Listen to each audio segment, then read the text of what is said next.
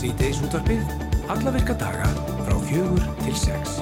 Og það eru Kristján Freyr Haldursson og Guðrundi Semistóttir sem ætla að fylgja ykkur til klukka 6. Vá, Gunnar, mér líður eins og ég sé hérna Karate Kid með meistara mínum, Miyagi, að hérna fara getnum sítis útarpið, þetta verður spennandi. Föstu dagur líka auðvitað og stemning. Það er stemning á mm. föstu dagum alltaf í, í sítis útarpinu, í bland við alvöru lífsins. Já, sjálfsögum eh, Rétt eins og kom fram hér í frettum, rétt í þessu þá hafa vinsaldir orkudrykja aukist mikið síðustu ár, það sem áhrif þeirra eru gerðna resandi en geta hjáttvæmt verið áhannabindandi Drykkirnir innihalda sætuefni og koffín í óhaflegu magni á samt öðrum virkum efnum og ættu ekki að teljast sem svaladrykkir í vennilegum skilningi Birna G. Áspjöstóttir, dóttorsnefni í heilbriðisvísindum við Háskólu Íslands, hefur rannsakað áhrif orkudrykja á líkamann, þá aðalega þarmaflórunna, en einnig heilan og taugakerfið. Birna verður á línunni hjá okkur rétt og eftir. Viljámur Átnarsson, þingmaður og rittari sjálfstæðisflokksins, vil afnema heiðurslaun listamanna og hefur hann lagt fram frumvarp þar sem að lagt er til að lögum heiðurslaun listamanna nr. 66-2012 verði felt brott. Viljámur ætlar að vera á línni hjá okkur og við spyrjum að nánar út í þetta. Það er aldrei lis. Já, alþjóðleg barnakvikmyndaháttíð hefst á morgun í Bíóparadís í Reykjavík og stendur út næstu viku. Það verður ímislegt krassandi bóði, rekjavökumyndir, kvikmyndum einar áskell, draugabanarnir, dugghólufólkið, svo einhvað sem nefnt, en samhliða bíóveislinni verður líka bóð upp á námskeið og fræðslu fyrir rúnt kvikmyndagera fólk. Hrönn Sveinsdóttir, frangotastjóri Bíóparadísar, kikið til okkar. Dúkulísurnars, þær er að gefa út lægið Minning Ljúf, þetta er lag eftir Erlu Söng, konuljóstarinnar og Sigurki Sigmundsson, uh, gítarleikara sem allir þekkja. En textin er eftir Þórhöllu Arnadóttur, þetta er uh, kær vinkona dúkulísarna, en textan uh, samti hún til bróðu sín sem að lést í fallífa stökkslísi árið 2013 í Flórida. Þóri, Þór Halla afsakið fjall svo frá á síðasta ári eftir snarpa baróttu við brjóstakrabba megin og hinga til okkar á eftir vopnulæginu koma Erla Ragnarsdóttir og Kolbjörn Már Guðjónsson eigimaðu Þórallu og við ætlum að spyrja það nánar út í textalagsins og minningarsjóð sískinana Örvas og uh, Þórallu. Mm -hmm. uh, í lok oktober og byrju november ár hvert bjóða skagamentir menningarháttíðar sem heita Vöggudagar og tilgangur háttíðan er ekki síst að efla menningarlífið í bænum og líka um leið upp á skamdegið. Umfang háttíðanar hefur aukist ár frá ári og hefur notið vaksandi vinselda meðal bæjabúa sem og nákvæmlega sveitafélaga og efnir víðar. Sá sem, svo sem veit allt um vöggudaga er Vera Lindahl Guðnadóttir sem er verkefnastjóri menningar og sapnmála hjá Sapnamála, afsækið, Akarnes Kaupstað og við sláum á þráðun til herrar upp á Skaga. Mm -hmm. Eh, frá með næstu áramótum. Þá munu einstaklingar og fyrirtæki geta sótt um styrk vegna kaupa á rafbílum og öðrum orgu hlutlausum bifröðum. En styrkurinn á að koma í stað skattaívilana sem er að falla úr gildi. Bílasalar og frjálsir innflytjandur bíla hafa ágjörða þessari breytingu og hafa bent á að allar ívillanir ríkisins til fólk sem að vil kaupa sér ramaspíl muni stöðla viðskiptu við umbóðin á meðan að þeir sitja eftir með sárt ennið. Og Björn Sigursson, einn eigandi fyrirtækisins Autotrade eh, sem á eitthvað stóru bílasöluna er hinga komin. Kondur sæl og blessaður. Já sæl, takk fyrir. Já, hvað er það sem að þið óttist við þessar eh, breytingar sem að bóðaðar eru um áramót? Já, það sem óttist mest er í raun og veru það að, að, að, að þetta er náttúrulega að koma mjög bratt á okkur þessar fréttir, fréttum bara þessu gæri raun og veru og það sem er, er að sagt, við óttust er það að, að innflutningur á bifriðum fari engungu til umbóðuna. Ég, það eru þúsundu byrjið allir sér fyrir að ramaspílar sem seldust og sem voru fluttir inn af þessum svo kullu frjálsu aðilum. Það eru ramaspíla yngre en þryggjára gamla lítið ekna og eru á svona mjög viðræðunum verðum kannski 3-5 miljónir og við höfum mjög miklar ágjör að þessi markaði þurkist út að því eins og það sem við höfum séð í, í, í því regluverki sem er í gangi og er í, í smíðum er að þessi bílar verði bara skildir eftir og fái ekki ívillanir en meðan splungu nýju bílar sem aldrei verið skráðir áður í heiminum, þeir fái ívillan. Mm. Mm -hmm. Þannig að þið teljið það þá hafa í för með sér að fólk sjáu ekki haksinn í því að kaupa notaðan ramaspíl heldur vilji freka að kaupa nýjan og fá þessa niðugrislu? Já og í raun og veru þá þrengir þetta rosalega mikið hópina því þeir sem hafa minna millir handana og vilja fara í ódyrir bíl eiga kannski hérna gamlan jari sem þeir vilja skipta út og fara svona í, í 34 miljón krónar rammarspíl.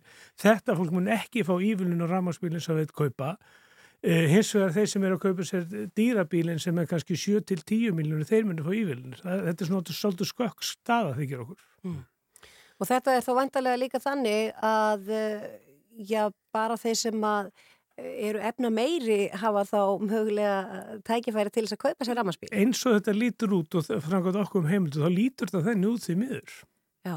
Þannig að þú telur að þetta myndu kipa fótum undan reksturinum? Já, þetta mun allan að setja okkar rekstur í, í svona, í mikla mm. í erfiða stöðu að því að, að, því að megi lunga við, bara við seljum og flyttum inn um 200 ramaspíl akkurat af þessu verðbili sem ég var að tala um áðan í fyrra og, og hérna og ef, ef, ef þeir njóta ekki ívilnunar en, en samkynnsæðalar okkar sem eru umbúðið njóta ívilnunar mm. þá er bara rangt gefið að markað og þá fara vaknu spurningar eins og, eins og jafnræði í viðskiptur sem, sem hérna, stjórnvöld vilja, vilja stöðla að og samkynnismál og svo framvegis. Mm -hmm.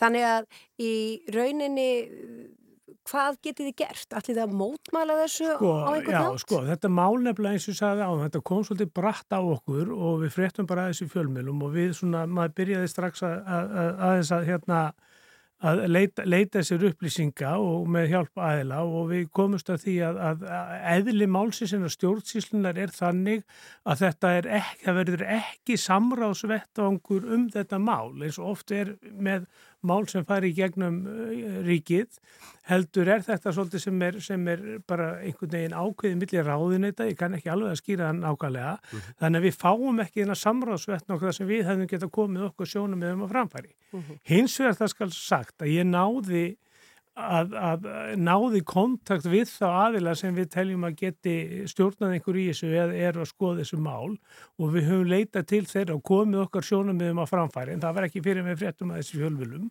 og þeir hafa gefið okkur jákvæðsörum það að þetta verði skoðað og okkar vingil verði skoðaður en er, er um þúsundi byrjuð að ræða og, og, og akkurat fólki sem vil skipta en, en svona er að tegja sig í að hafa efnaði. Já. Já. En hver er fyrir ekki, Kristján? Já, afsakið, þetta er sko styrki sem eru veittir úr orkusjóði og þetta, þetta til þetta, eh, sko þessi leið að kaupverðið einstakar bifrið að verði að vera undir 10 miljonum króna, það er þetta sem að sem að eitthvað finnst kannski orka tímalega eða eitthvað. Nei, nei, það 10 miljonar marki er, er allt í lægi og, og, og, og það, en það er bara að, að, að lítið notaðu bíl og, og splungu nýr bíl að það sé rétt gefið. Þeir Já. standi jafnir í þessu mm -hmm. að því þannig er það víðast hvar í Evrópu það sem svipaðar reglugerður eru í gangi. Mm. Það er það þannig. Það eru, eru ákveðinni þúsundur evru fyrir, fyrir nýja bíl Já, og svo ákveði fyrir notaðu bíl. Nú þeir þar standaðir jafnir. Já. En hvernig er, hver er þín tilfinning? Nú þú bílasæli og uh, þetta fjárlaga frumvarp var kynnt og lagt fram uh, hérna fyrir uh, nokkur síðan. Það sem var einmitt talað um þetta, þessar ívilnandi myndu falla úr gildi á, á ramaspílum. Uh, er búið að vera að sprengja í sölu á nýjum svona bifræðum síðan að já, þessa fretti komið fram, fólk að drífa sig að skipta fyrir áramót? Já, það er búið, það er sérst strax bara núna í haust svona þegar fólk voru að átta sig á fjármannarfinnumarfinu þá, þá kom svolítið kipur í sölun á þessum bílum og akkurat þessum bílum sem við erum að tala um, þryggja til 5 miljónar rámagsbíla mm. og svolítið mikið lætið hafi verið í kringu þá og svo náttúrulega eru alltaf nýja fréttir að verast og markaðurinn er ekki alveg átt að sé nákvæmlega hvað mun gerast og hvernig það mun en það er alveg klárlega vilja allra bæði stjórnvalda, bílasala, bílaumbáð og allra að taka þessu orkuskipti og þessu orkuskipti er ekkit nema, nema jákvæð og, og, og rámarspílandi sem eru að koma á markaðin og eru á markaðinum alveg aðeinsleir. Mm -hmm. Þannig að það sem að e, er bara grunnstefi hjá ykkur er að þið óttist þá vantarlega að sitja uppi með notaða rámarspíla þar sem enginn, já, fólk vil freka að kaupa nýjan heldur en, en notaðan og að fólk geti síður sem hafi bara kannski fjóra til sex miljonir til þess að kaupa sér bíl, getur þú ekki gert það? Já, verðmunurinn, sem það er að segja, ef, ef, ef, ef nýji bílinn nýtur ívilnunar en ekki notaði bílinn, þá er mhm. stittra á millið þeirra og þá er einhvern veginn verið að neyða markaðinn í að fara í dýrari bílinn á þess að fólk hafi beint efna á því og við miklar ágjör á því og svo er náttúrulega bara þessi jafnræðisregla það gildi það sama um þá aðra sem er að kepa markaði. Mm -hmm. Það verða allir að borga sama virðisökkaskattin. Mm -hmm. Og það er alltaf holdt fyrir, já verðbólkunni landir og allir sé að spenna bóðan og fari of dýran bíl. Mjög góðu punktur hjá þér að því að núverandi kerfi er þannig byggt upp að það eru, eru ívilnendir gegnum í flutningin en nú munu bílarnir allir hækka, sem þeir eru nýjir eða notað, hækka um 20-25% og það mun náttúrulega við þekkjum það að það, það mun þá auka auka á verðbólkunni eða allavega að koma þrýstingi á það. Er ekki líka þannig að við getum kannski talið að veri umhverjusvetna að geta komið þessum nótuðu bílum áfram eftir Já. að vera flytt inn? Jú, að sjálfsögðu, það er náttúrulega, við viljum, það vilja allir að, að Einmitt. orkuskiptin gangi hratt og Já. það er náttúrulega vilji stjórnvalda og hlýtur að vera hagur allra að sem flesti fara á ramaspíl, Mm. hvort sem að kosti 3 miljonir, 4 miljonir eða 15 miljonir. Það sjálfsögðu. Uh, Það er Björn áhugavert. Sigursson, uh, við fylgjumst áfram með þessu máli, bara takk fyrir að koma og, og, og segja okkur frá þessu. Já, takk fyrir mikilvægt. Það gangi vel. Fylgstu með Rástfö á samfélagsmiðlum. Flett upp á Rúf Rás 2 á Instagram. Rástfö. Fyrst og fremst Þú ert að hlusta á síðdeis útvarpið á Rás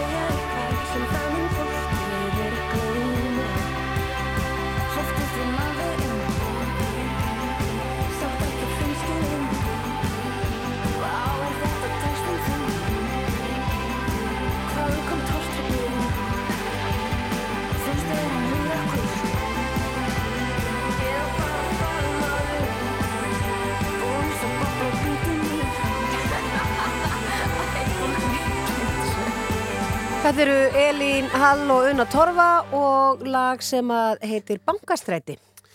Rétt eins og kom fram hér í fréttum rétt á þá hafa vinsaldir orkudrykja aukist mjög mikið, eða það er að segja mikið síðustu ár, þar sem árið þeirra eru gjarnan talin vera hressandi en geta jætrand verið áanabindandi. Drykkinnin innihalda sætuefni og koffin í óhaflegu magni á samt öðrum virkum efnum og ætti ekki að teljast sem svaladrykkir. Uh, í símanum er Birna G. Áspjöstóttir sem er doktorsnimi í heilbriðisvísundum við Háskóla Íslands. Sæl Birna. Sæl. Þú hefur ansakað áhrif orkudrykja á líkamann, þá aðalega þarmaflóruna eða ekki og líka heilan og tögukerfið. Erum við að fara of léttvægum höndum um, um þessa svaladrykki eða orkudrykki eins og þeir ættu frekar að kallast?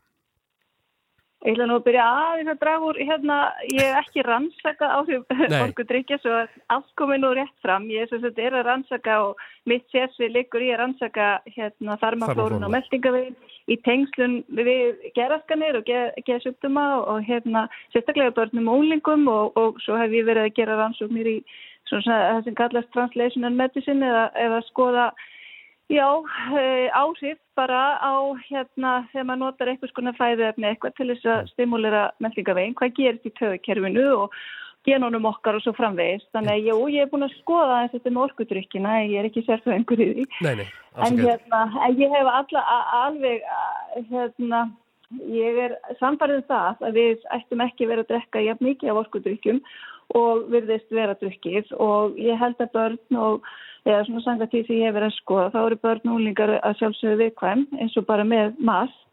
Og hérna og það er bæði náttúrulega út af gerfisætinu, við vitum ekkert almennilega ennþá hvað verður um þessi gerfisætu og hvað áhrif hún er að hafa á okkur.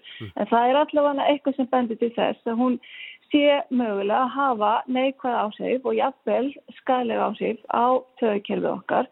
Og þá sérstaklega eins og hérna ég skrifaði nú um og vitna þar í rannsókn uh, að hérna þungaðar konur sem drekka þarf ekki að vera nema einn orkudrykkur á dag eða einn góðstrykkur sem inniheldur gerfisættu virðist geta auki líkur til dæmis á uh, hérna að eignast þá barn sem greinist með einhverfu sér í lagi ef það er drengur. Mhm. Þannig að þetta er alveg eitthvað sem við þurfum bara aðeins að staldra við og skoða og það þarf, eins og segja, að rannsaka þetta betur og við vitum ekkert nóg en meðan við vitum ekki að hvort eitthvað er örugt eða óörugt þá ættum við að fara sérstaklega valega.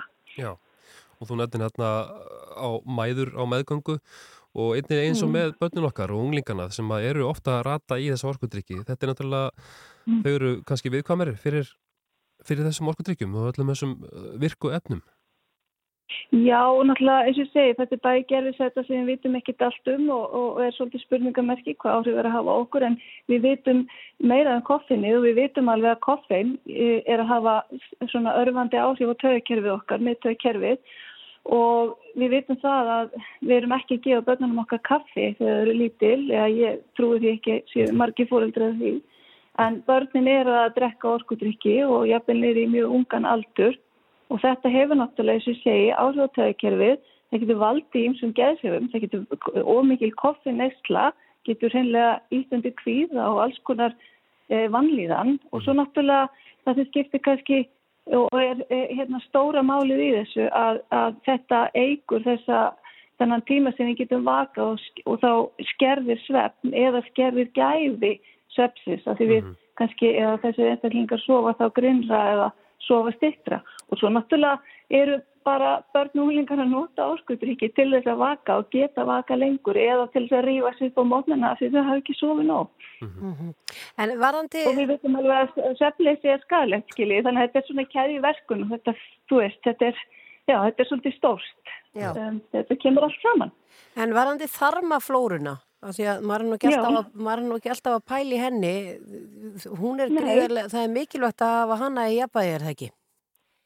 Jú, það er mjög mikilvægt og maður er ekkit alltaf að pæla í henni eins og segir að því að ef maður er bara þokkalega með þokkalega góða þarmaflóru þá er hún ekkit að láta sig vita og við, við, við eigum bara að vera þannig. En þegar við erum komið einhver svona enginni eða ónótt í magan og kviðin þá er nú oft verið að banka upp á og þarmaflórun komin í eitthvað ójafnmægi en svo er það hinliðin að svo mögulega getur við verið með engin enginni og þarmaflórun getur líka verið í ójafnmægi það er svona alveg til í myndinni líka. En það er gríðilega mikilvægt að náttúrulega bara minna sig á og, og, og minna fólk á að allt sem maður lætur ofan í sig, það eru við að borða meðal annars fyrir þarmaflóruna, vegna þess að þarmaflóran borðar það sem við borðum.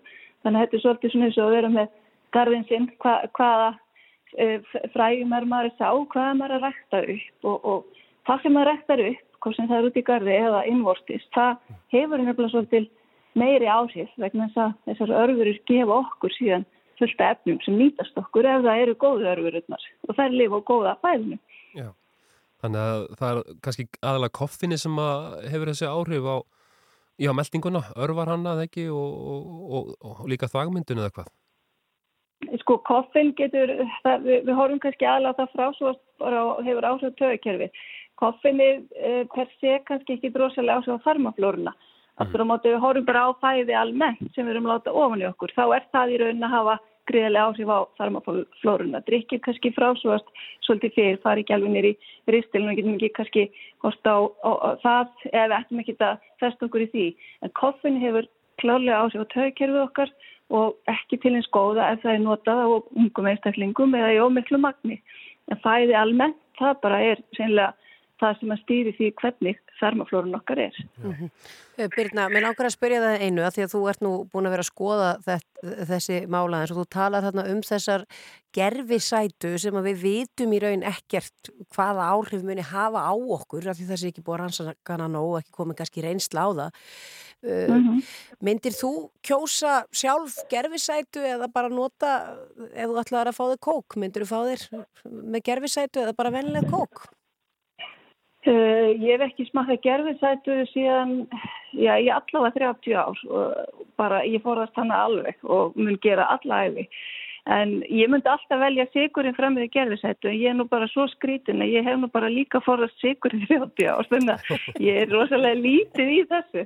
En ég hef líka bara haft alveg hérna manniskan áhuga á hvað fæða gerir við okkur og fyrir okkur og ég horfi bara þannig á að þetta er bara eins og hérna, hvað ég segja, bankareikningurinn okkar. Því meira sem við leggjum inn, því meira eigum við þegar svona að uh, síðu og setja hlutan hjá okkur og, og hérna, ef við erum bara að borða mat, bara venjulega mat, það þarf ekki að lifa neinu uh, leiðinlegu lífi og sumir halda að holta þessi svo leiðilegt. Maður er bara að borða mat, það lítur út fyrir matur. Að þá er maður vonlega lítið að fá sigur og, eða gerfisætu eða auka efni því að í rauninni öll þessi auka efni þó þau séu alveg rannsöku upp að einhverju marki og það er eitthvað sem segir, jú, þetta er allt í lægi litlu magni, þá vitum við ekki hvað þetta gerir þegar þetta er allt fyrir að blandast í einhvern koktel og þetta er yfirlega alltaf rannsaka í, í hérna sikkur lægi þegar þetta eitt auka efni er rannsaka á einhverju músum og það gerir þetta ekkit og þá er það í lægi og, og svo eru við að borða kannski 10-20 auka efni saman í einhverju fæðutegundi, einhverjum pakkamat og þá er náttúrulega bara komin allt annað það er allt annað scenarjó þannig að það er kannski ekki eins mikið rannsaka og er, í rauninni voru rosalega lítið rannsaka Einmitt. þannig að hérna, það, er, það er ágætt að bara horfa á matin út í búð og þræða hérna eh, veggina, lappa með, fara með veggjum út í búð vegna þess að feskmeti er meira og minna það sem er, hérna, er sett svona meðfram og í miðjun er allir pakkamatur þannig ég segi oft svona einfalda lífsitt bara farðu meðfram ringin og farðu bara í miðjuna svona einu sinni mánuði og köftu það nöðsulegt og hérna dagan hefur bara verið að kaupa okkur ávistu og grömmindi og fisk og kjött og egg og kannski mjölkurvörur svona ósettar og, Mm. og, og hérna og svona bara eitthvað einfalt og horfir á og þú veist hvað, varst ekki að lesa neitt innihald. Já, ég held að við séum svolítið mikið að- íta þessum vörum, þessum orkudrykkjum til dæmis svona framann í unga fólki til dæmis og, og, og okkur hinn líka en það er alveg ljóst að langtíma áhrif þeirra eru, eru greinilega skadaleg fyrir, fyrir meldingaveg og, og almennt helibriði. Það er allavega allt sem bendir til þess og, hérna, og líka það er kannski ágætt að koma einu að því þetta er náttúrulega, við vitum að áhrifavaldar og íþróttafólk og aðrir eh, eru ofta að auðlýsa þessa drikki og, og slíkar vörur og við vitum að unga fólkið og ungmennin og börnin eh, horfa mikið til og eiga sér fyrirmyndir þannig að það er svo mikilvægt að fyrirmyndir eh, takja skarið og, og, og, og íti undir hotlustu og sé ekki að leggja áherslu á eitthvað sem að mögulega er að skada. Einmitt, Þannig að hérna, já. akkurat. Mm. Þetta voru góð lokaorð. Kæra þakki fyrir að setja ykkur inn í með þessi mál, Birna. Takk fyrir. Takk fyrir, skjælega að hafa samband. Já, takk, takk. Bless.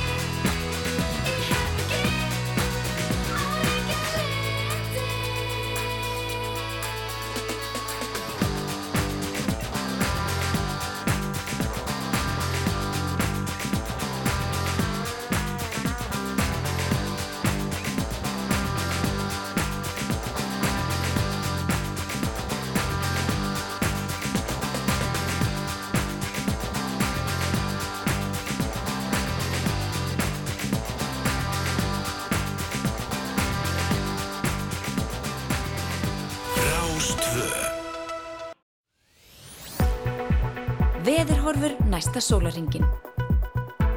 Jú, við skulum fara aðeins yfir veðrið á landinu, horfum næsta sólarring, austlag átt 3-10 metrar á sekundu en 10-15 siðst, dálitla skúrir eða jél á austaveru landinu, úf. En annars að mestu bjart, hiti 1-9 stig að deginum svalast á Norrlandi, dregur úr vindi siðst annarkvöld og, og kolnar aðeins. Það verður allavega mjög gott viður hérna og eftir í lögadalunum Gunnardís, eða ekki, þegar Ísland og Danmark mætast hérna á eftir. Jú, ég held að þessi fínasta veður úti og uh, já, ég var nú úti, ég hjóna bara til því, það er hlýra hér heldur en til dæmis í Danmarku þess að ég var stödd. Það er svoleiðis. Já, svona, eð, þú veist, það er einhvern veginn, Loftslægið einhvern veginn, það er svona harðari vindur, Já. nýstandi. Hann er einmitt. kaldari. Nei, hérna, kaldari sem sagt, Já. En við hvetjum fólk til þess að, eða er hérna á höfuborgarsvæðinu og hérna í nágrunni að, að, að dempa sér í, á löðusvöllin og, og horfa á landsleik. en hvað segir mér, sérst í þá gulu eitthvað um helgina? Þú Ég- sjáist á, á morgun, er það Ég ekki? held það, það sé bara svolítið bjart bara framöndan hérna. Já, Hmm.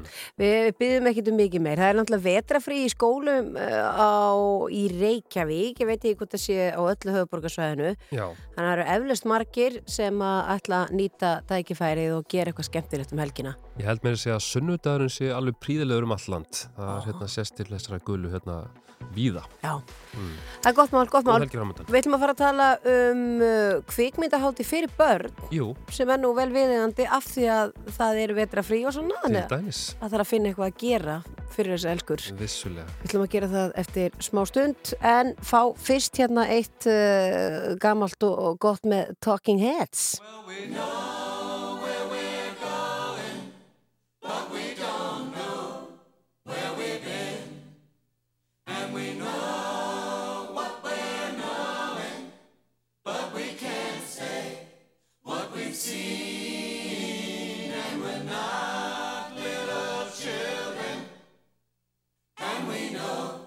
road to nowhere.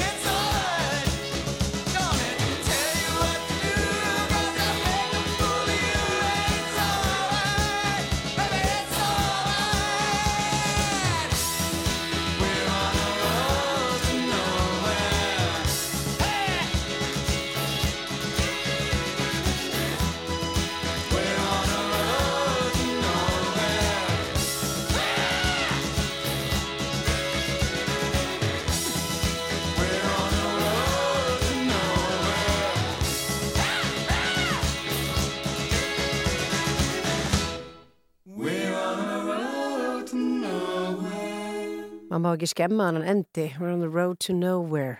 Það vona að þeir sem eru í umferðinni sé ekki að fara bara ekkert. Eða ekkert. Hvernig, hvernig myndir þú því þetta? Road to nowhere.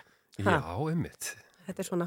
Akkurat, þetta var góð þýðing hjá þér, allavega Já, góð hughrif. já, já. En, En- við ætlum að fara að fjalla um menningu og það fyrir börn. Já, akkurat. Við erum komið með frangandastjóra Bíóparadísar við hverjaskuti Reykjavík. Hann er Hrönn Sveinsdóttur hérna í heimsó. Sæl Hrönn og verður velkomin. Takk fyrir Uh, við ætlum að spyrja þig aðeins út í barnakveikmyndaháttíðina. Við vorum að enda við að hlusta á Talking Heads. Ég fór og sá Talking Heads bíómynd þar á dögunum.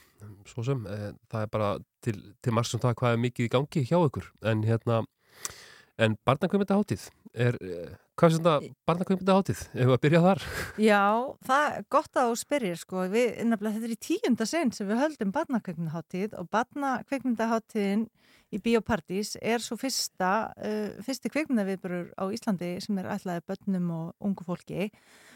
Uh, ég veit ekki hvort að þið hafa tekið eftir þessu en barnamyndir í bíó eru rosalega einsleitar. Þær eru uh, 99% amerískar myndir frá tveimur fyrirtækjum Já. frá Disney Marvel- og Pixar Já, já. þú veist, það er rosalega lítil breytt með örfáum undantekningum svo Mhm. fáum við stundum einstakasinnum íslenskar kveikmyndir einstakasinnum norranna kveikmyndir sem talsettar en það er, það er rosalega lítil breytt í batnaefni í bíó.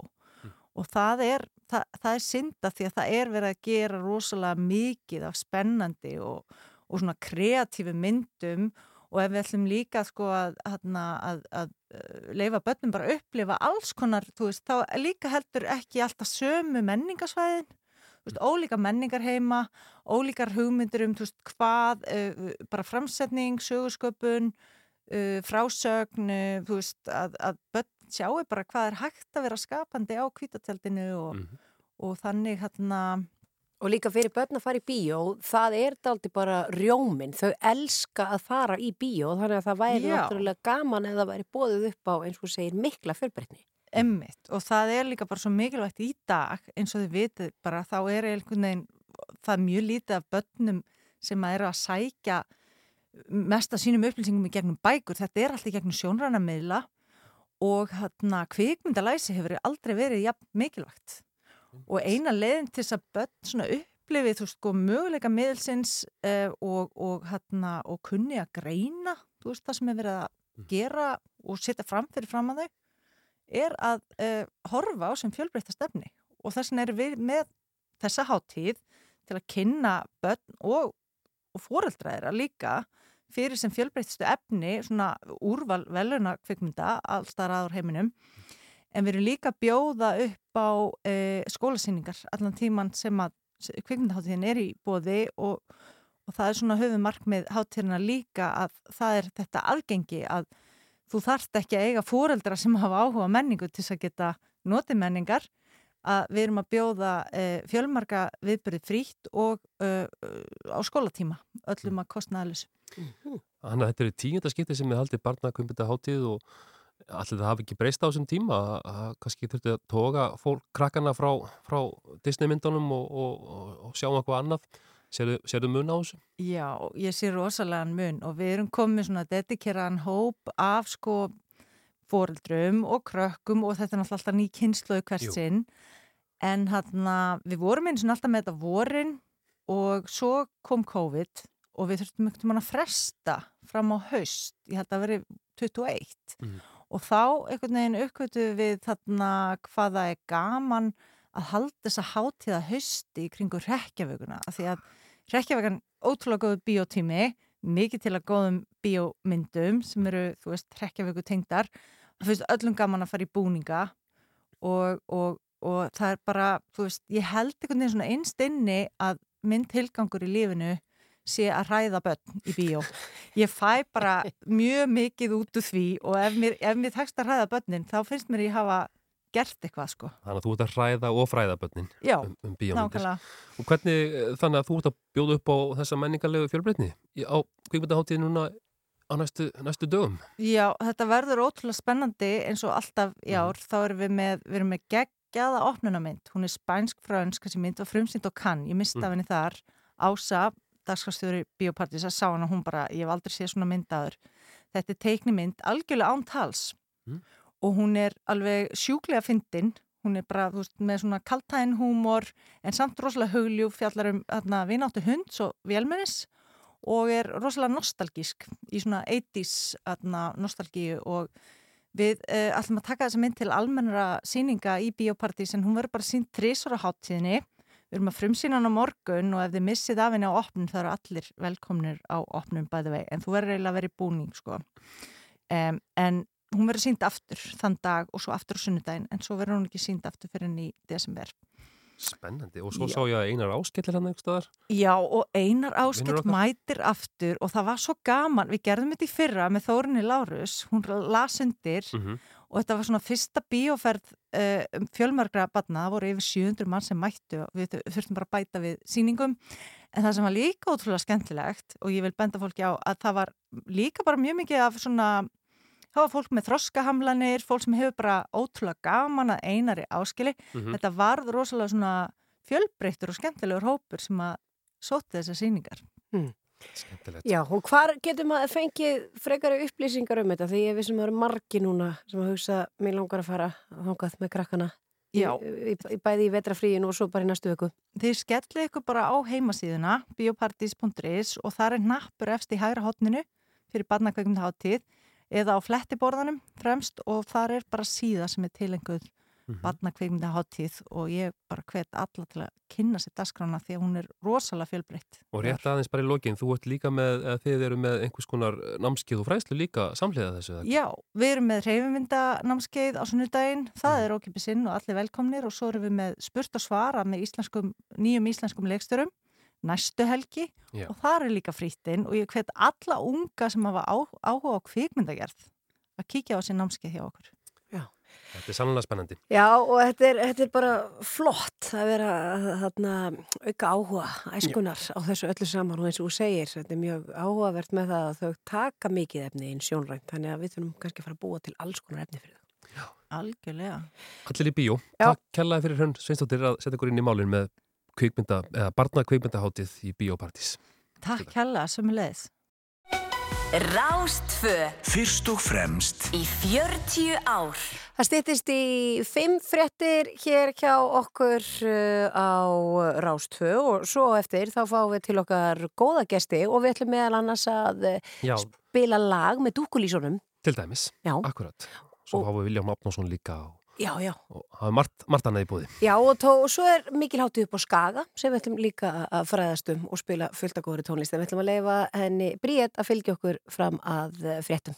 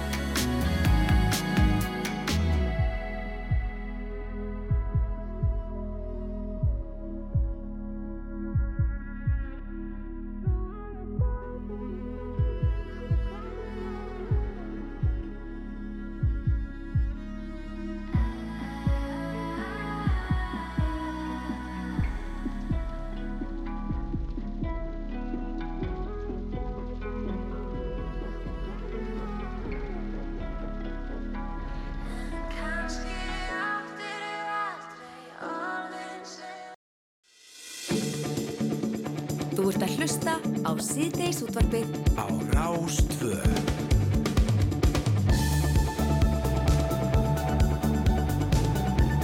Og við heldum áfram á þessum ágita fyrstu degi það stýttist í landsleikin. Miðst alltaf uh, svona sérstök stemning á uh, landsleikjadögum. Algjörlega. Ha? Það er svona spenna í loftinu en, en líka haustlaufin fjúka, þetta er mjög, þetta er mjög góð, hérna, góð orka held ég í loftinu. Þetta er svakalega mikilvæg leikur við Dani Já. og uh, þetta er náttúrulega í þjóðadelt Evrópu. Uh, leikurinn hefst klukkan 18.30 verður síndur á rúf Já, en ég held að þessi sem ætlast til þess að menn byrja að horfa 18.21 Já, ekki flautaður sko- á klukkan 18.30 en það er náttúrulega þjóðsöngvar og svona. jú, jú, ég mæli reynda með því að fara á Rúf 2 Mm. og, og, og hérna heimsækja stofuna. Já. Það verður hérna stofan, hérna byrja klukkan 18, Helga Margrit og, og félagar á. Íþróttadeildinni. Já. Uh, Uh, Tafsa á þessu. hérna kemur Íslanda með þrjú stig eftir fyrstu tvo leikina í keppninni og uh, Þetta verður síðast stressandi leikur finnst mér sko. Ég hérna, uh, það er dönsku unnu þjóðverja á dögunum Mhm. uh, en þjóðverjar tóku okkur í bakaríið, já, við stein, steinláum undir Já.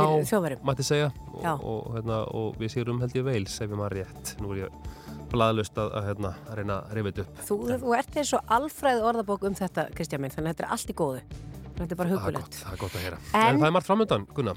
Það er nóg framöndan hérna hjá okkur í, í síðdegistöpinu. Mhm. uh, við ætlum að heyra í Vilhjálmi Átnarsinni, þingmanni og reytara sjálfstæðisflokksins á eftir.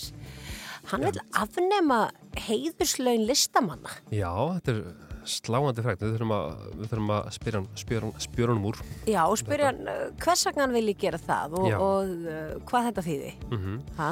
Svo hérna í lokþáttar þá fáum við, þá ætlum við að ringja upp á Skaga, upp á Akranes, þar sem að vökudagar eru að heifast, menningarháttíð, menningarháttíð vökudagar. Við ætlum að heyra í Veru Líndal, sem er verkefnastjóri menningar og, og sapnamála þar. Já, og svo ætlum við að fara á eftir í það að spila nýtt lag með Dúkulísonum og það er saga að segja frá þessu lagi. Þetta er lag eftir Erlu, söngkonhljóstarinn og Sigurki Sigmund, skítalegara. Tekstin er hins vegar eftir Þórhöllu Arnardóttur sem er góð vinkona eða kær vinkona Dúkulísina. Já. Og uh, þessi teksti var samin til bróðurs hennar sem að uh, lest í fallífa stökklísi árið 2013 í Flórida. Akkurat. Og við ætlum aðeins að- fræðast um þennan texta hérna á eftir uh, og uh, hann kemur til okkar líka hann Kolbett Már sem er eiginmaður Þórallu en Þóralla lést í fyrra.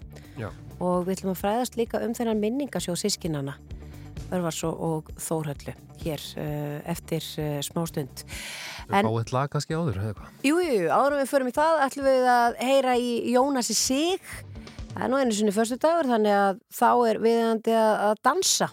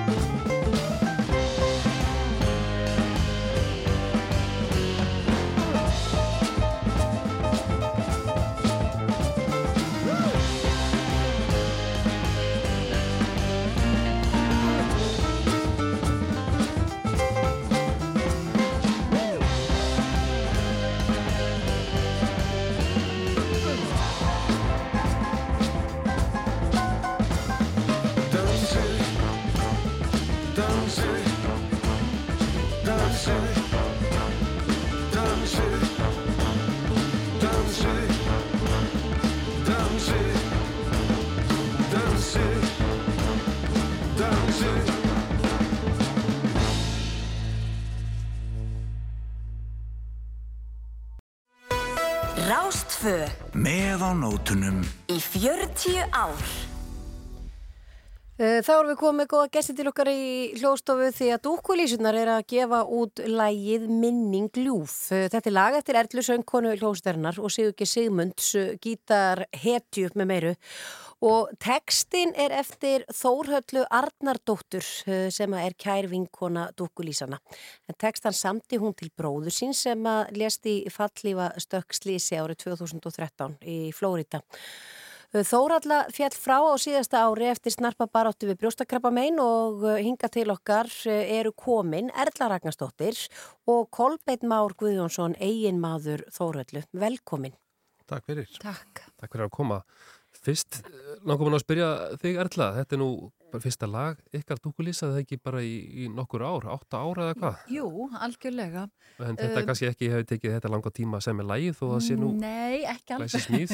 En Ekki alveg átta ár, en, en hérna, það kom nú reyndar þarna svona ein jólaplata, eitt stykki jólaplata Mm. í millitíðinni og þar áttu við nokkur svona frumsamin lög á þess að Mhm. taka, neða auk þess að taka hérna uh, einhverjar ábreyður líka. Já. en sem sagt það var gerð þarna heimildamindum um hljómsendina, dúkulistunar Mhm. 2015 uh, og þá fögnuðum við líka 100 ára kostningarétti kvenna það sama ár.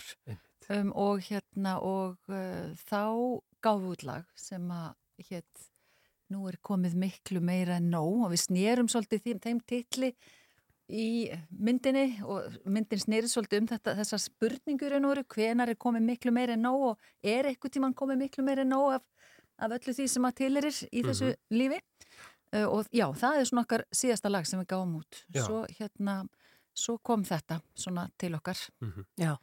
Á margan máta. Al- aldrei komið miklu meira nóg af, af dúkulísum allavega, það getur við allavega sagt. Nei, nei, og bara held ég bara engu. En þetta var, uh, þetta er hérna bæði, já, ljúfsárt kannski, þetta verkefni sem þið eru hérna komið með núna með lægið, þetta, minning ljúf sem að var að koma út á dögunum, Já, algjörlega. Gríðilega fallet lag. Já, og kannski segja ykkur aðeins söguna frá, frá því lægið. Já, um, þetta var nú svona bara lagstúfur sem kom til okkar hérna dúkulísanna og, Sigurgeir sem mitt, Sigurgeir var með okkur á ferðalagi. Við vorum hérna stelpunar að spila á bræðslunni sumarið 2019 uh, og þá er mitt þóralla byrjuð í sinni lífameðferð, fyrstu umferðinni. Uh, og gatt því miður ekki verið með okkur þannig fyrir austan og hún er nú ættuð frá borgarfyrði þannig að þetta var ótrúlega fúlt að hún skildi ekki geta verið með okkur. Þannig að við vorum í því þessa helgi og þarna á æfingunum fyrir bræðsluna að sendinni alls konar, þið vitið, myndbönd og myndir og sketsa og, Mhm. og svona reyna að vera, reyna að vera peppandi og skemmtilegar og, og sendum henni þá uh, einhver tíma rætni framhaldinu uh, þessa hugmynd, bara, bara þú veist eina vísu og eitt viðlag og hérna og einhver held að vegna aldrei að byggja um texta eða neitt slíkt en það bara einhvern veginn greip hún þessa laglínu og þessa hugmynd og svo bara liggum við næsta dag og var bara komin full skapaður texti sem að hérna bara okkur bara svona svolítið brásaldi við því að hún var nú hérna mikil raungreina kona og hafði ekki aldrei sami texta að mér vitandi uh, heilmikil músík í henni og fjölskyldunennar og hérna uh, þannig að þú veist það var alveg músík í kringum hana og, og, en hún greinlega bara átti þetta til og gerði þetta bara svona þarna 1 og 10. Mér grunna nú samt að einhverja línur hafi kannski verið komnar Mhm. áður en að þarna koma þessari stund. Já, Kolbjörn, hvernig er það? Segðu okkur aðeins frá þessu og, og segðu okkur aðeins frá, já, við kannski myndum við líka vilja vita hérna því hún semur þetta til bróðusins.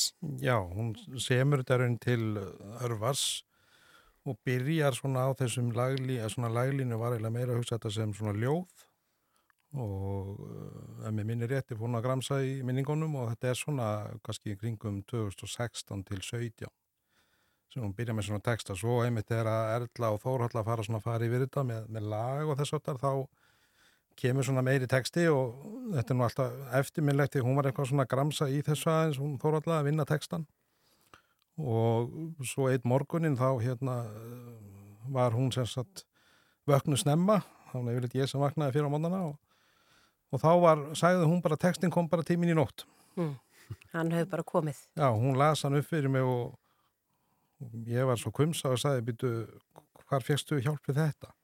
Já. En þá kom þetta bara inn að nætustund og nægur nótustund og hérna tókst bara mjög vel og hafði samband alltaf að hún hafði samband við Erlu og boltin fór að rúla. Já, En, en förum aðeins yfir það að, að þið, þið eru með þennan minningarsjóð sem að þið stopnuðu því upphafi e, til minningar um örvar en núna er þetta orðið minningarsjóður örvas og þóröldu.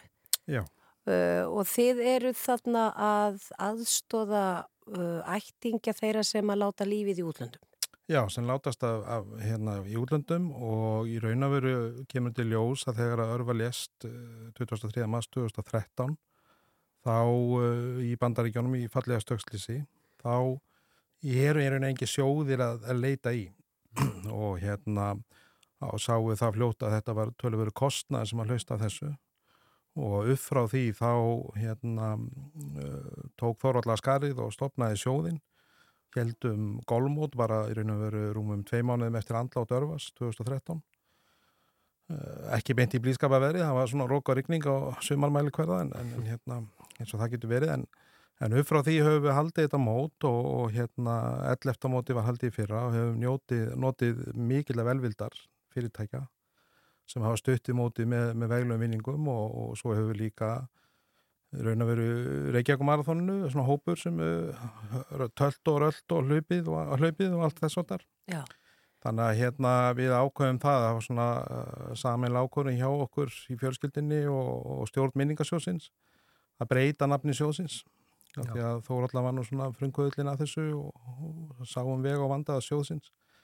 Að það væri hérna tilvalið að breyta nafni sjósins í minningasjóðu Örfas og Þórallu. Já. Mm. En þetta er sem sagt ofan á, ofan á svona vofalega viðbyrði að það er að segja að, að missa eitthvað hérna í útlöndum getur verið í ofanálag erfitt að það sem er ekkert að sækja inn að sjóði það sem að kemur að flutningi ástöðina og um þetta snýst sjóðurinn í raun og veru. Já, þetta snýst um það og við höfum að sjóðurinn hefur veitt styrki um, svona uh, nokkur reglulega og, og við hefum aldrei getað gert þetta nema út af því að við hefum bara notið mikil, mikils eh, velvils og, og kunnum öllum mikla þakki fyrir þann stuðning sem við fengið. Já. Þannig að sjóðurinn er, er til þess gerður, minningasjóður Örvars og Þórullu Já. og, og við hefum verið svona nokkur sem hefur starfað í kringum sjóðinn og sama stjórn búin að vera í sjónum í, frá upphafi. Mm -hmm, mm -hmm. Uh, og að læginu aðeins uh, minningljúf uh, þetta lag sem hún segir með til bróður síns, hún þóralla og vantarlega ja, ég snýst þetta um ja, hva, hva, hver intakt textans er það? Já, Hvernig, þetta er nú svona... Er bara Já, lífið, já. er, lífið er núna Já, á- algjörlega, þetta snýst nú bara svolítið um það og, og hérna bara að- að vera duglega að búið til minningar og, og staldra svolítið við og, og njóta þess sem að lífið hérna býður upp á. um, þetta var auðvitað textin hennar Þórillum bróður sinn og svo þegar hún deyr uh, síðasta sumar uh, að þá er hún til dæmis kvött með þessu lægi uh, við jarðaföruna, þá er það í raun og veru frumflutt. Sigur Geir og Jónas Þórir organisti og Katrín Halldóra söngkona fluttu þetta í jarðaförunni. Já, hann heitir orðið lægið hennar Þórhalli. Þetta er svolítið lægið hennar Þórhallu Já. og við frumfluttum frum, frum það svo stelpurnar einmitt á amalistólingunum okkar, 40 ára mm Mhm. amalistólingunum okkar, Já. um, síðasta haust. Og núna, og núna ætlum við bara að leifa sér hlustundur á svo tvö að herra þetta. Já, það Einmitt. bara verið frábært. Já. Ha. Þannig Þetta er að, svona kannski eitthvað sem kalla fram á, eins og þið orðuð þarna, kalla fram á kakobotla og, og, og svona nótalega hitta. Og, og, Já, það getur alveg gert það. og eins og við talarum með það að skapa góða minningar og, og slíkt. Það er kannski góðu tótni í þessu. Allavega. Já, Mm. ég held það. Þetta er allavega svona svolítið söknuður og en líka um leið óður til lífsins. Já, einmitt. dúkulísurnar og minningljúf, við skulum skella þess á Erla Ragnars og Kolbjörn Má Guðjónsson. Takk fyrir komuna og, og góða helgi. Takk fyrir gæla. Kæra þakkir.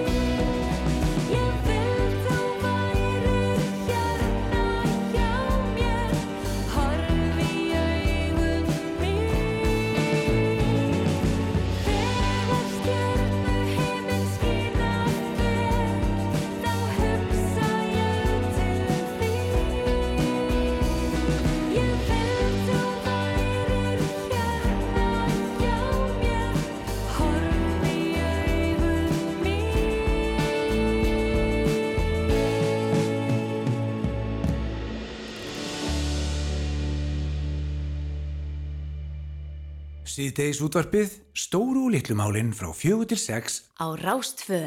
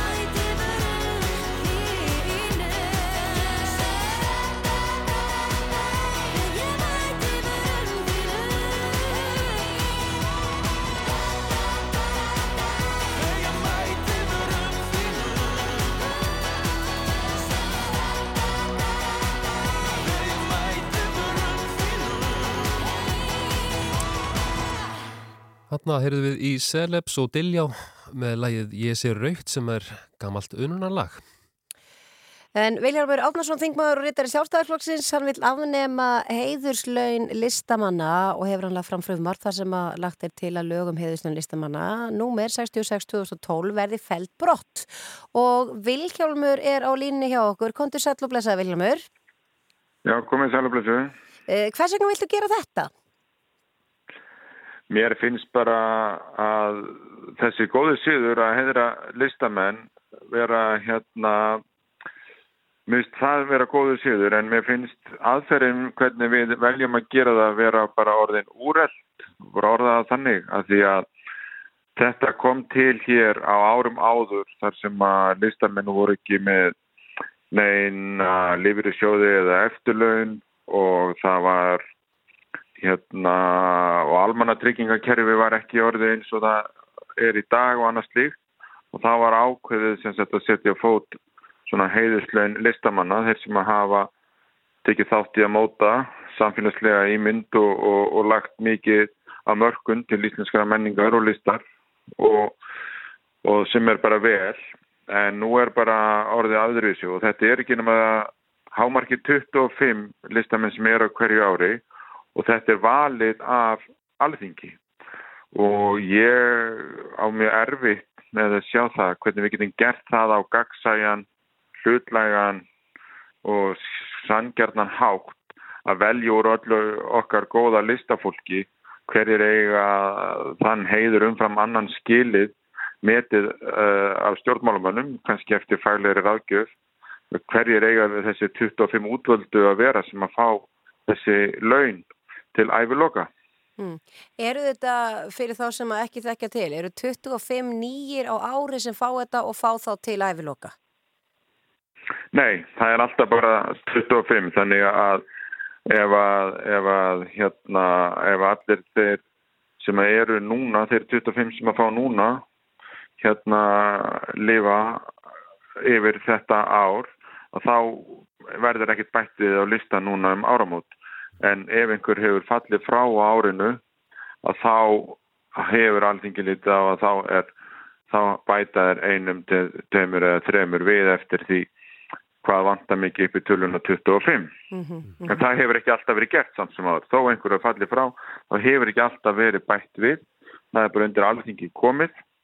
En þetta er, núna var lögunum breytt 2000 uh, ég man ekki alveg hvenar en það var allan að breyta endur skoða og það átt að stopna svona uh, að tilnefna í sérstakar fagnemnd sem myndi viðst, taka móti tilnefningum og ferli var alveg svolítið óljós hvernig það ætti alltaf að fara fram og þau átti að leggja til hverjir myndi fá sætin sem væri í bóði og alls er að mentamálunand alþingis kemur sér svo saman um það hvort það myndi samþykja þá tillögu eða hvaða nöfnum velja úr þeim sem þau leggja til þessi fagnemnd.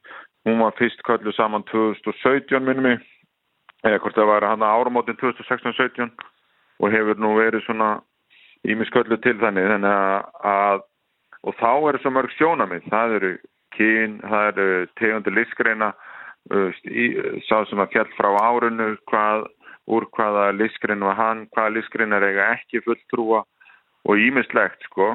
Þannig að þetta er orðið svo margir mælikvarðar og, og, og það er bara mjög erfitt að setja hlutlegt mat á list. Og ég vil líka taka það sérstaklega fram að við erum að tala um heiðuslegin listamanna þar sem er verið að heiðra þá listamenn sem var lagt mikið til þjóðarinnar en, en þetta er ekki starfslegin listamanna, það er allt annað. Starfsleginin eru þegar það fari greitt fyrir því að skapa einhver ákveðna list og átt að skila þeir einhverju verkefni í staðin. Það er annað og Já. það er ekki að röfla við því. Þannig að þú Vilhelm, vilt uh, fella þessi lögur gildi. Uh, hvernig myndir þú vilja þá hafa þetta? Er, ertu með tillögu að, að nýju háttalagi? Já, það er alveg hægt að, að, að heiðra fólk á margan hátt og við erum uh, einn aðstæð hérna heiðrun þjóðarinnar er nú bara orða. Þannig að það væri þess vegna hægt að hafa einhvers konar uh, orði nefnd fyrir sérstaklega við listamenn. Veist, og það gæti við er einhver hérna heiðus uh, fjárhæð sem myndi fylgja því og hvað sem er sko. þannig að og það er líka bara að horfa til annar landa og hvernig það er gert. Breitlandi þá nú bara tekur nú drotningin það tóku til og kongur núna og veitti orðu og annað slíkt sko. Þannig að, að það, er, það eru marga leiðir til í tví og, og, og hérna en, en ég tel að það sé ekki rétt að, að, að, að heiðira bara að fá að útvalda til þess að vera á launum til æfiloka. Já, þannig að þú telur þetta í raun að vera batsins tíma en þú teldur ekki að tala um það að taka þessi heiðuslaun af þeim sem hafa þegar fengið þetta útlutað heldur það myndi haldast út æfina en bara ekki veita ný.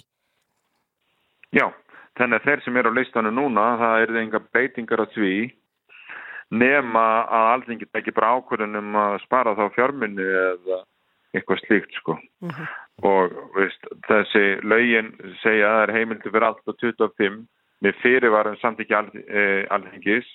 Og það er aldrei hægt að greiða þessi lögin nema að það sé gert ráð fyrir henni fjárlög. Þannig að, að en, en já, ég, mín tillega hérna snýstum það að þeir sem eru nú þegar á heiðuslauna listamannunum haldi þeim launum. Og við séum ekki að hrópla við því, við séum bara ekki svona þanniglega er ég bara að leggja til að þessi lög svona uh, lognist hægt og rólega út af þannig að bara ef einhver fellur frá þá fækkar á listanum sko. Já, eh, og við tökum smátt og smátt upp þá bara upp nýtt kerfi. Ertu búin að viðra þetta við uh, félaga þína hann neyri á alþingi og, og hvernig er fólk að taka í þessar tilhugu? Uh, fólk er að taka misvel í þetta og, og hérna það eru margir sem stýðja mig en hef, í þessu, svo sem líka, en, en hafa kannski ekki alveg lagt í umræðana eða verið svona að taka mikið þátt í henni. En hins vegar komu tveir þingmenn frá samfélkingunni í gær uh, og tóku þátt þegar ég flutti málið í þingsal. Og það voru bara skemmtilegar og heimsbyggilegar umræður og, og hérna uh, með heyrðist nú að þeim að þeir vildu halda í kerfið en, en voru samt alveg sammála því að það væri ekki yfir vafa hafið og væri hægt að, að, að mætti ræða ymsar hluti en að meðan að, að ég tel að þetta sé þannig kerfið að, að við þurfum bara að breyti yfir að fara í nýtt. Viljálmur Átnarsson, þingmaður og Ritari Sjálfstæðisflokksins, eh, takk fyrir að að vera á línunni hjá okkur og við fylgjumst áfram með þessu. Takk. Já, takk fyrir.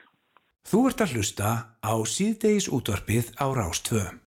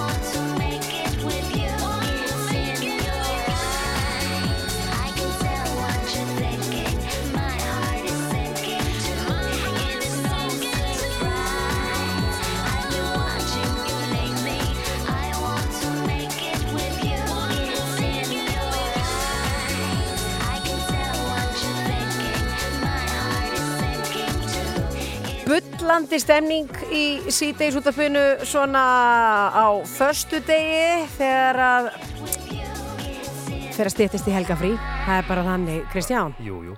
Ha, Í lok oktober og byrju nóvember ár hvert þá bjóða skagamenn til menningarháttíðarinnar vökudaga.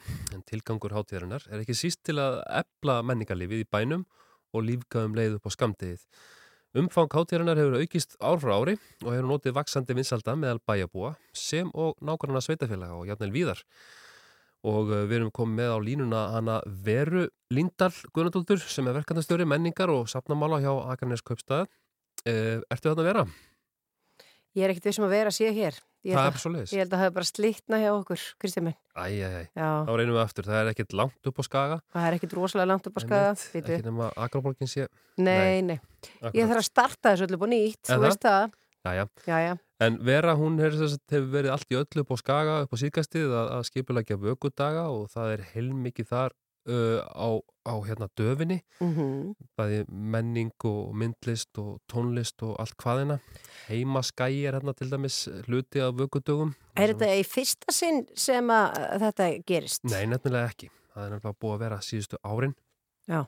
og já, hún heyrir ekkert í okkur en hún er held ég, held ég á línunni, Gunnar, heldur að hún sé þetta kannski einhvers staðar eða þú Nei, nei, hún er ekkert á línunni. Nú Ég er að reyna að starta símanum aftur.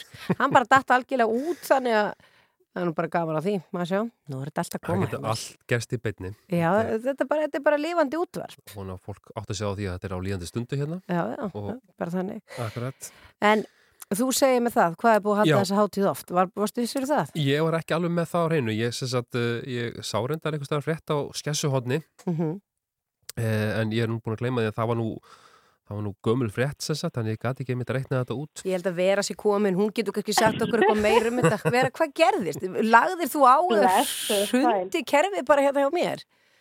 Ég held Það er að. svo mikið stemning á skaganum Já. að það bara fór allt í voll hérna hjá okkur.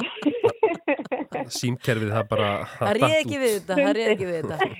Þetta rettaðist, það er bara flott. En, en takk fyrir að hingra á línunni og vera með okkur vera. Uh, hvernig er stemningin upp á Akranesi núna? Herrið, hún er bara alveg gríðarlega góð. Það er bara mikið líf í bænum og allir klárir í þessa 11 daga menningarháttíði sem er að ríða á hérna á skaganum. Mm Þetta eru vökudagar, þetta er, það er alls konar í bóði, það er hérna, já, sko tónlist og myndlist og, og allt hvað hérna, ímsa smiðjur og Mhm. getur þú sagt okkur aðeins frá þessu, svona þess að vera að telja endilega upp alla viðbyrjuna, það væri nú, nú hérna langt samtal það því að það er svo mikið í bóði.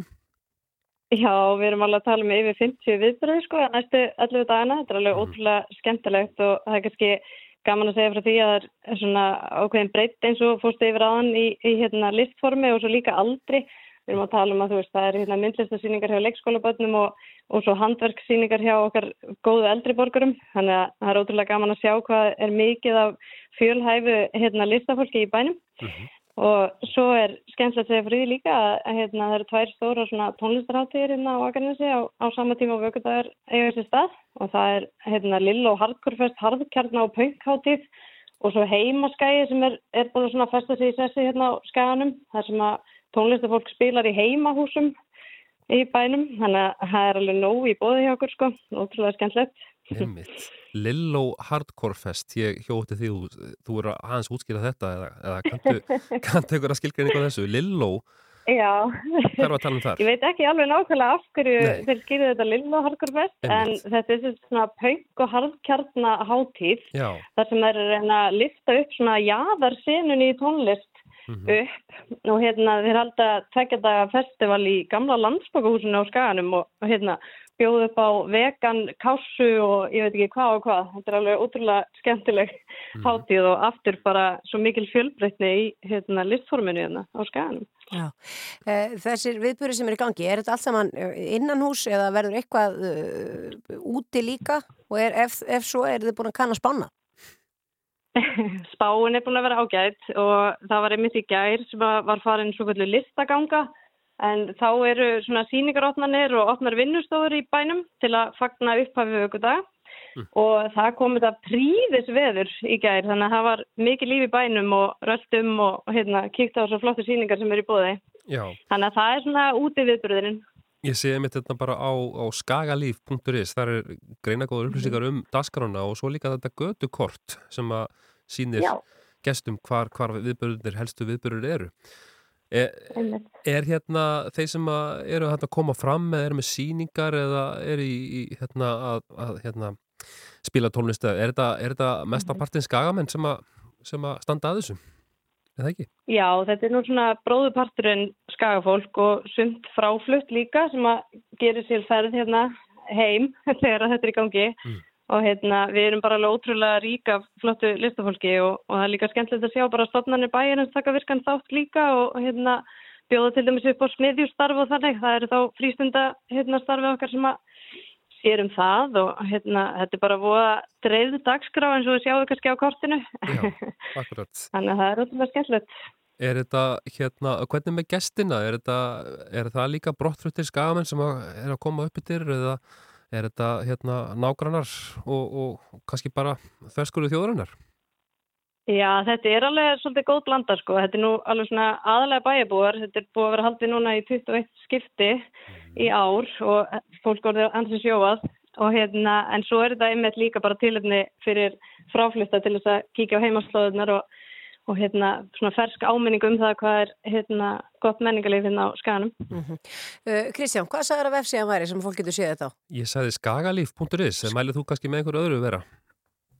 Skagalíf.is er bara mjög fín síða til að sjá hvað er í bóði og einmitt þetta kort er þar inni en svo er bara um að gera fylgja okkur líka á Instagram og Facebook. Þar getur fólk fylgst með í rauntíma svona hvað er að gerast. Já, það er bara vöku dagar á samfélagsmiðlum. Já, á, á samfélagsmiðlum, einmitt. Já, mjög gott. Uh, Vera Lindahl, Guðnundóttir, verkefnastjóri menningar og safnamála hjá Akranskausta. Takk fyrir að vera á linni á okkur og bara góða skemmtun um helgina.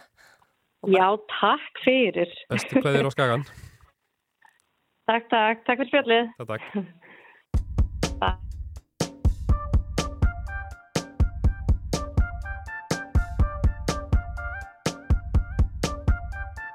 double D, big full breast on my baby. Triple weight, couldn't weigh the love I got for the girl. And I just wanna know why you ain't been going to work. Boss ain't working you like this.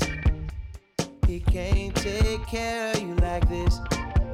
Now you're lost, lost in the heat of it all.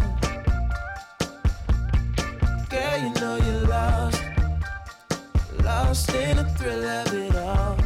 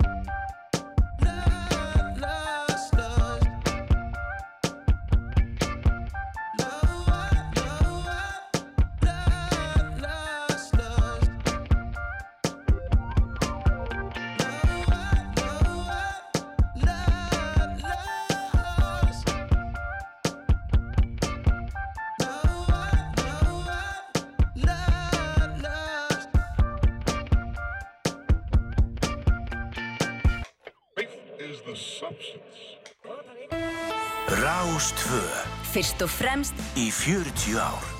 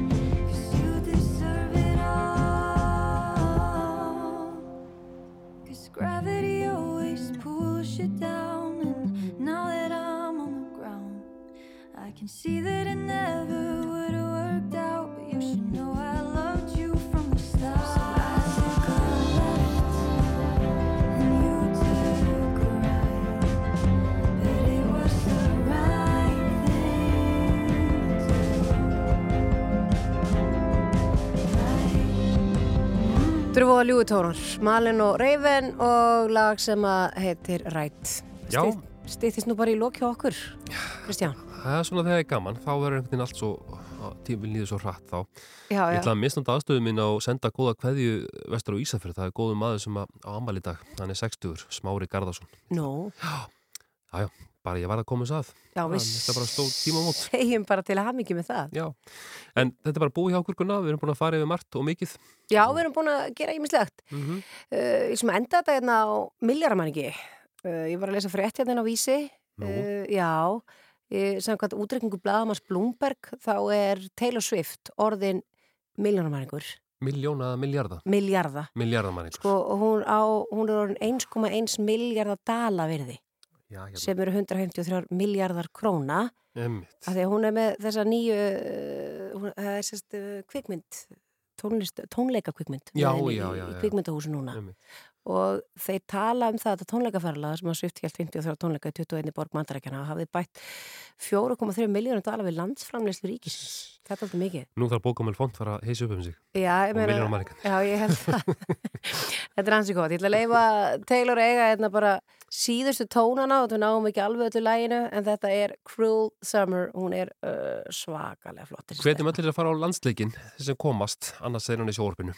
Já, Ísland-Danmörk, stefnur okkar. Byrja líka bara að stofa núna á Rúf 2 og svo er leikurinn og svo er stofan á Rúf þar á eftir. Einmitt. Þeir verið að gera upp leikin Já, já, já Það er alveg nöðslegt Áfram Ísland.